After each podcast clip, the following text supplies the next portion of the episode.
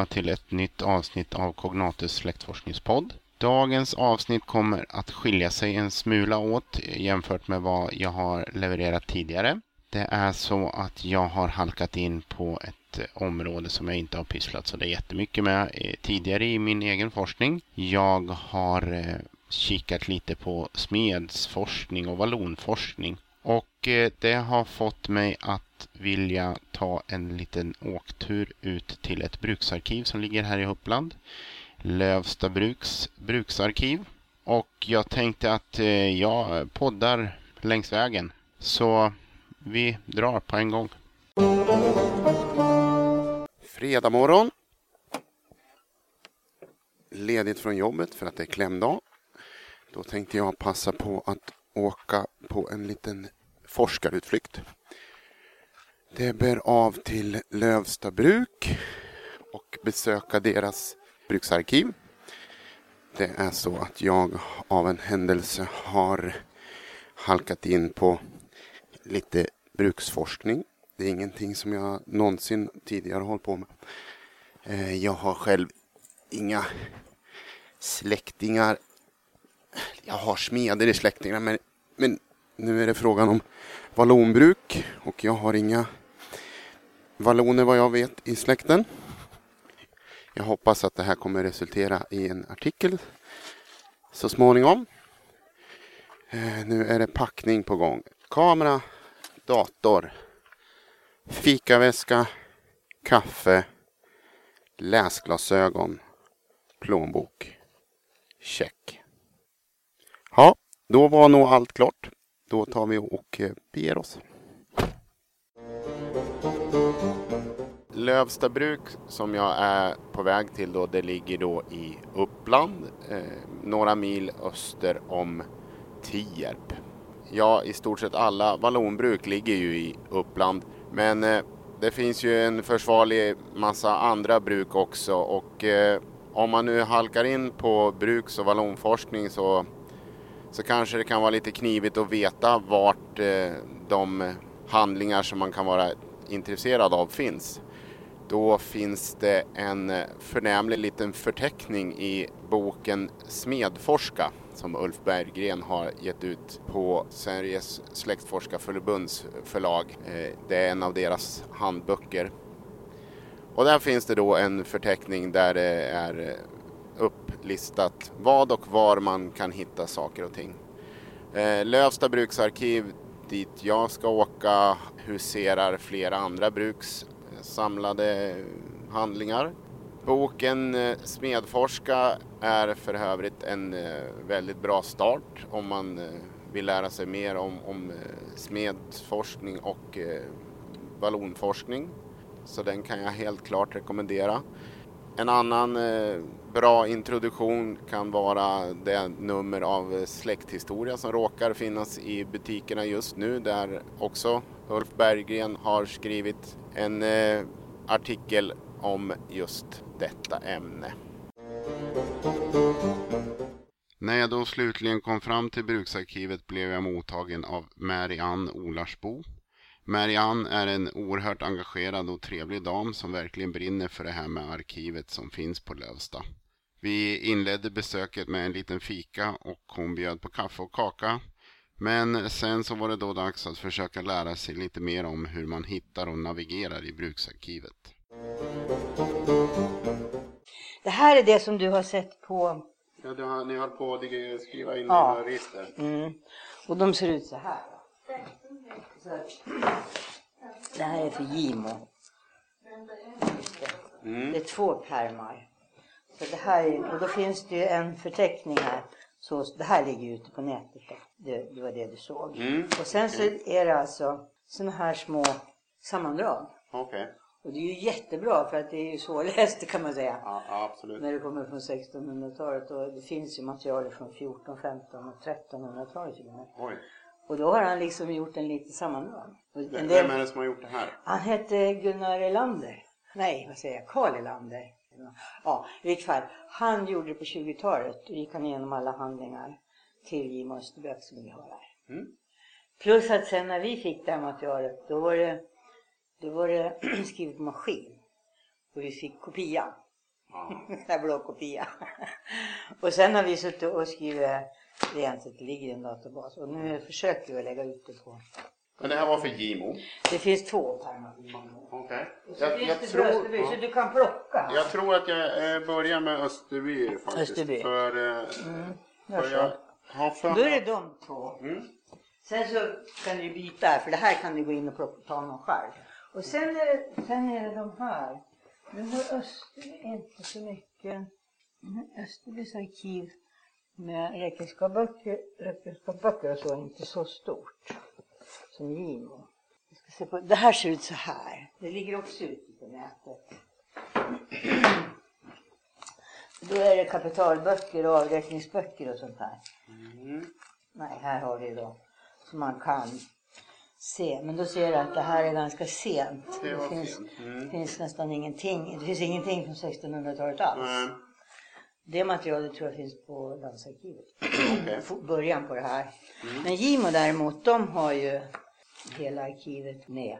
Men när det gäller avräkningsböcker, sådana här räkenskaper.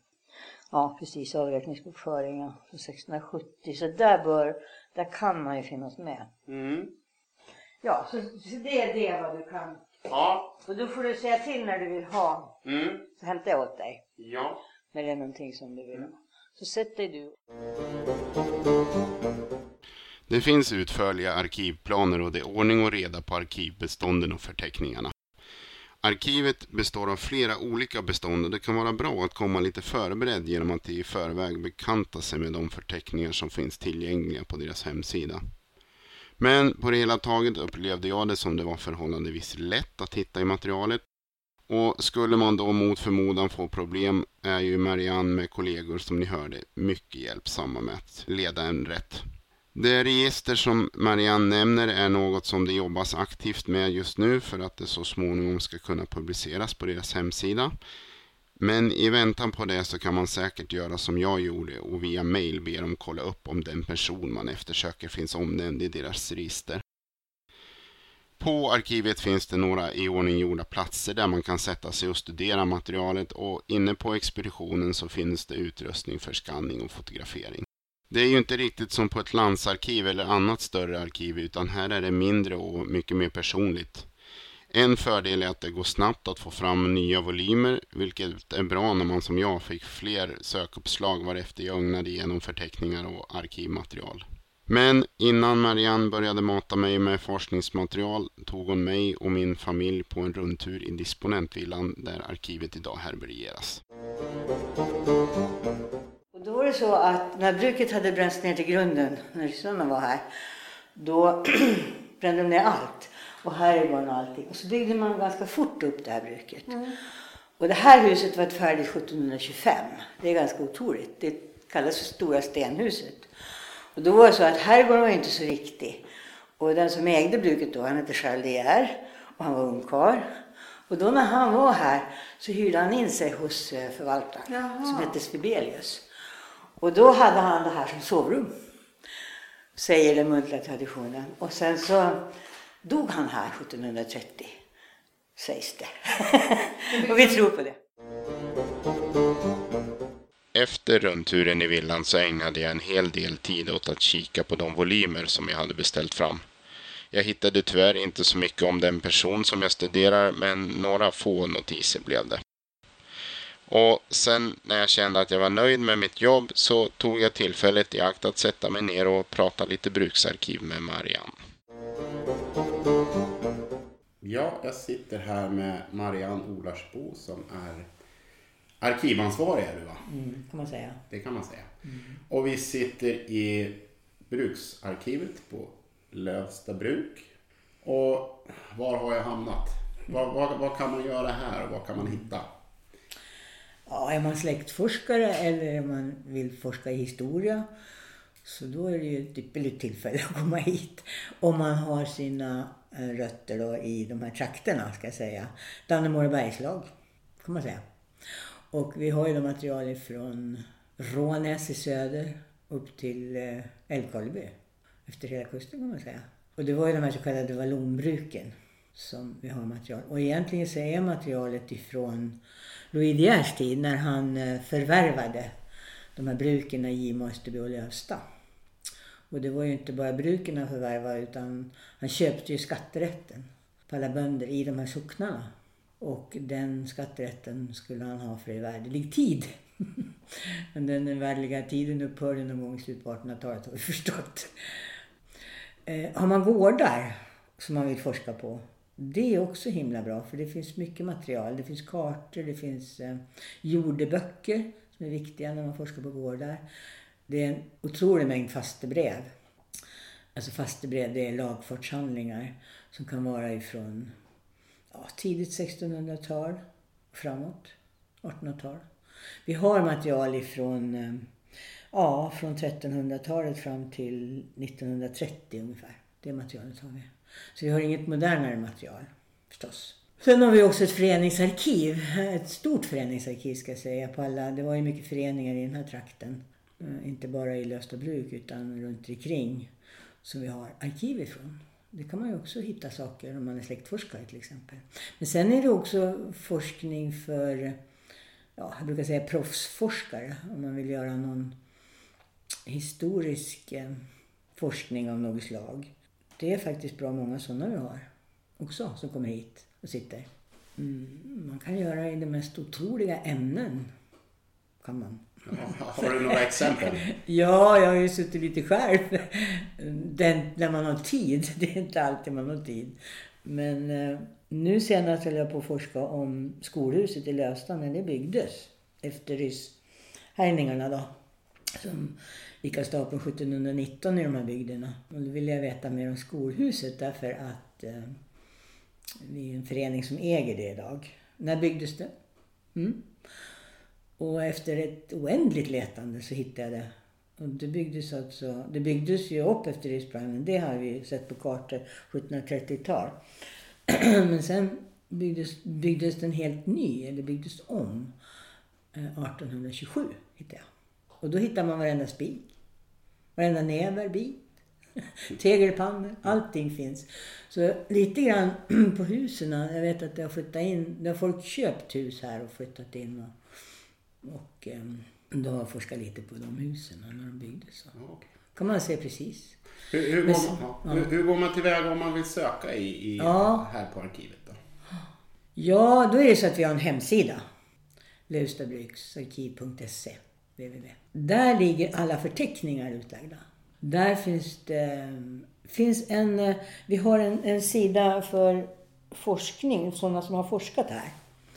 Och för två somrar sedan så kom det en kille som skulle bli arkivarie. Och han visste inte riktigt vad han skulle skriva, men han hade en idé. Och det var en bra idé. Han ville veta hur ska jag göra för att kunna forska här? Vad har ni för material? Eh, och då gjorde han en, en, en forsknings... Ja, vad ska jag kalla det för?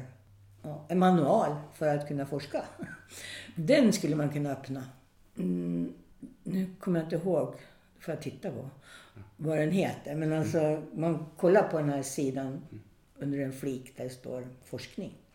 Vi kan göra så att jag lägger en länk till den ja, i, tillsammans med den här Just det. podden. Det är en bra idé. Mm. Bra idé. Sen eh, kommer man hit och då, om man då man kan ju ta kontakt med oss och höra om det är någonting som man vill forska om. Om det är möjligt att komma då. Så då har vi öppet varje onsdag, varje helgfri onsdag hela året om. Kommer man hit. Och så hjälper vi folk till rätta med hur, vad ska man forska på, hur ska man göra. Så förser vi med material. Mm. Ja. Det kostar 50 kronor ska vi säga. För att forska. Sen tar vi lite betalt för fotografier utav handlingar och, och vi har även om man fotar, ska jag säga. Om man fotar eller skannar kan man också göra. Så tar vi betalt för det då. Det är ja. överkomligt. Ja. Eh, för det här är ett... Arkivet ägs av... Ja, själva arkivet ägs utav Lövsta bygderåd som är brukets hembygdsförening. Så vi är en hembygdsförening som jobbar ideellt. Vi är ett gäng på en sex, sju personer som jobbar lite. Hela tiden har vi gjort. För vi fick nämligen det här arkivmaterialet ska jag säga, ifrån Korsnäs aktiebolag 2006 i gåva. Och eh, det innehåller alltså alla de här bruken som Korsnäs övertog det här arkivet 1936. Okay. Utav Gimo Österby aktiebolag. Som i sin tur hade förvärvat eh, de här bruken som vi nu har arkivmaterial ifrån eh, 1917 eller 16. Ja, bildade de ett bolag, Gimo Österby aktiebolag, där alla de här bruken ingick. Och då följer det naturligtvis med arkivmaterial, måste det göra. Och eh, det arkivmaterialet förvarades i Gimo och därför kallar vi det här arkivet för Gimo-arkivet. Det var en oerhörd, det är en 400-500, det är en 400 hyllmeter Eh, material, handlingar och kartor. Mycket kartor. Men eftersom Jima... när de bildade bolaget så var det skogen, så det blev ett skogsbolag kan man säga. Bruken och själva järnhanteringen, det sålde de 1926 till Fagerstabruken. Och då lades hela den här järntillverkningen ner som fortfarande var igång. Och man koncentrerade driften i Österby. Mm, så att det, var, det är mycket skogsmaterial ska jag säga. Men om man då vill forska på sin släkt, var det du ville? Ja. Då är det ju himla intressant med de här avräkningsböckerna, som det kallas för. Där alla personer som har arbetat under bruket och även alla bönder som levererade eller som hade relationer med bruket. Det finns, I de böckerna så finns det för varje år, åtminstone från 17, början av 1700-talet och framåt, en, ett uppslag där man kan se deras utgifter och inkomster. Så man kan se vad, eh, vad de här människorna hade i lön, vad de gjorde för uttag, man hittar lite pärlor i det där faktiskt. Senast så var det en, en, eh, en kvinna som ringde och frågade om fagott. Hon var släkt med någon. Nej, det låter de inte. De hette Fogman. Gustav Fogman. Han var räckardrängare i Lövsta. Och på hans konto så fanns det en liten inkomst, en årsinkomst på 6 och 10. Alltså då var det ju daler, kopparmynt. Den tiden. Som sjungare, sjungarelön. Sjungarelön. Och vi funderade väldigt, vad kunde det vara för någonting? Jag hade aldrig sett det. Sjungarelön, vad gjorde han? Vi, höll på, vi funderade och funderade och försökte leta lite till andra konton. Det kopplas ju till andra konton. De var inte så utförliga. Vi tror att han möjligen hjälpte prästen att sjunga i kyrkan på söndagarna. Så vi försökte kolla i den där släkten, var de särskilt sång musikaliska. De mycket? Nej.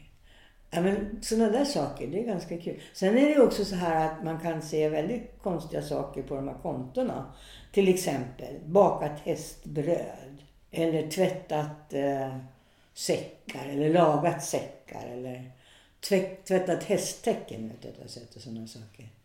Vadå? Det gjorde ju inte karlarna. Utan det finns ju barnens och kvinnornas löner finns ju också på den här mannens konton.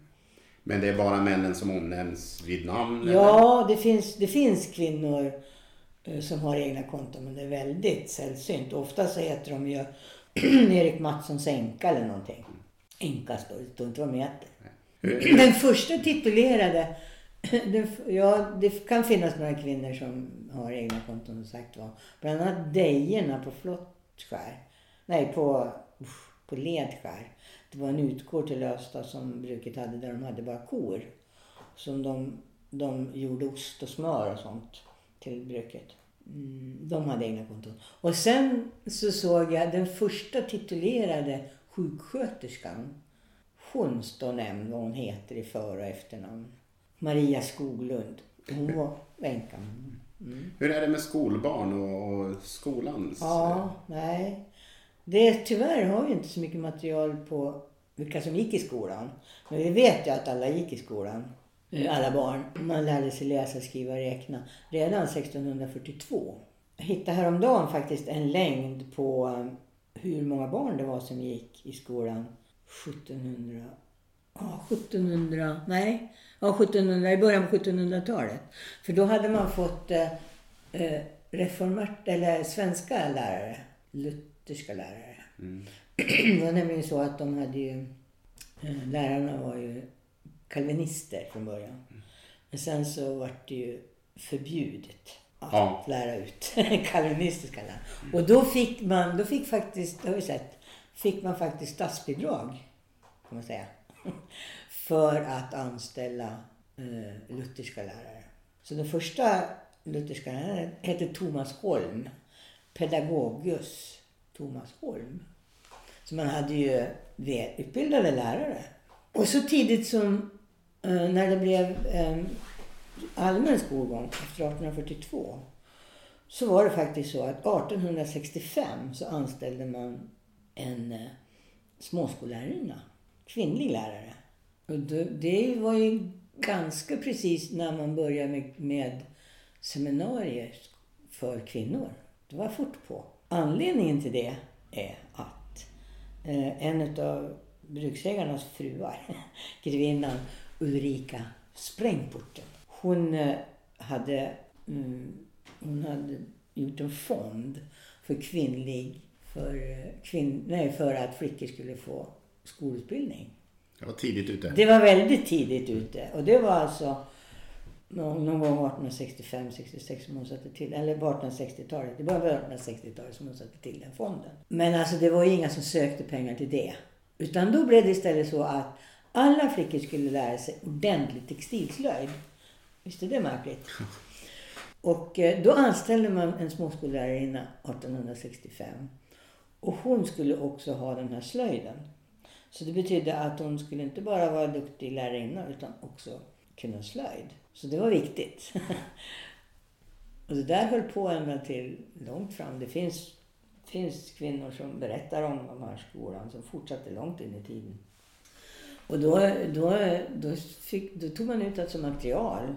Så flickorna fick lära sig från grunden till exempel att eh, ta rätt på lin och spinna, väva, sy och så vidare.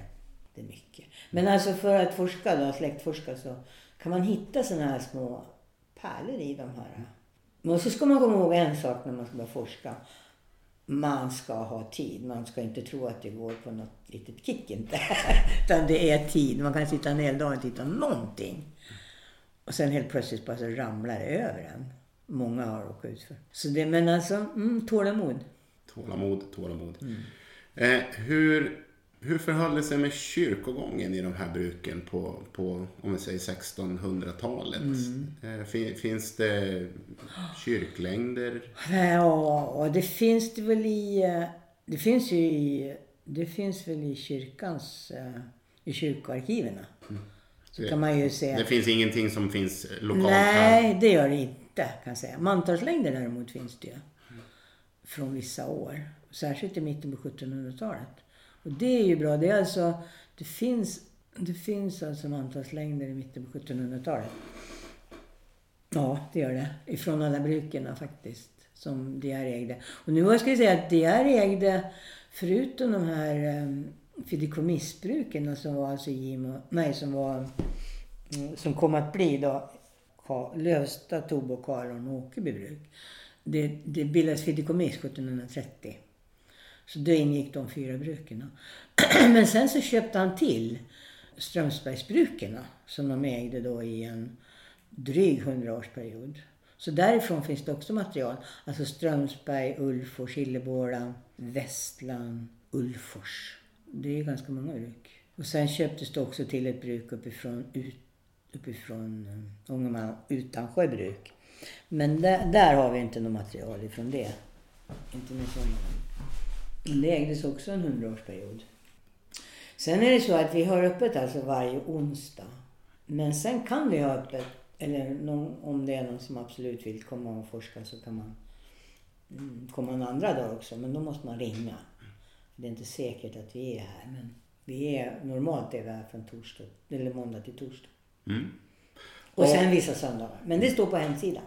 Om man eh, har med sig sin familj Ja, och åker, och åker hit och, och, och vill forska. Vad, vad, kan, vad kan man hitta på mer på, på Lövsta eh, än att eh, sätta ner näsan i en gammal bok? Ja.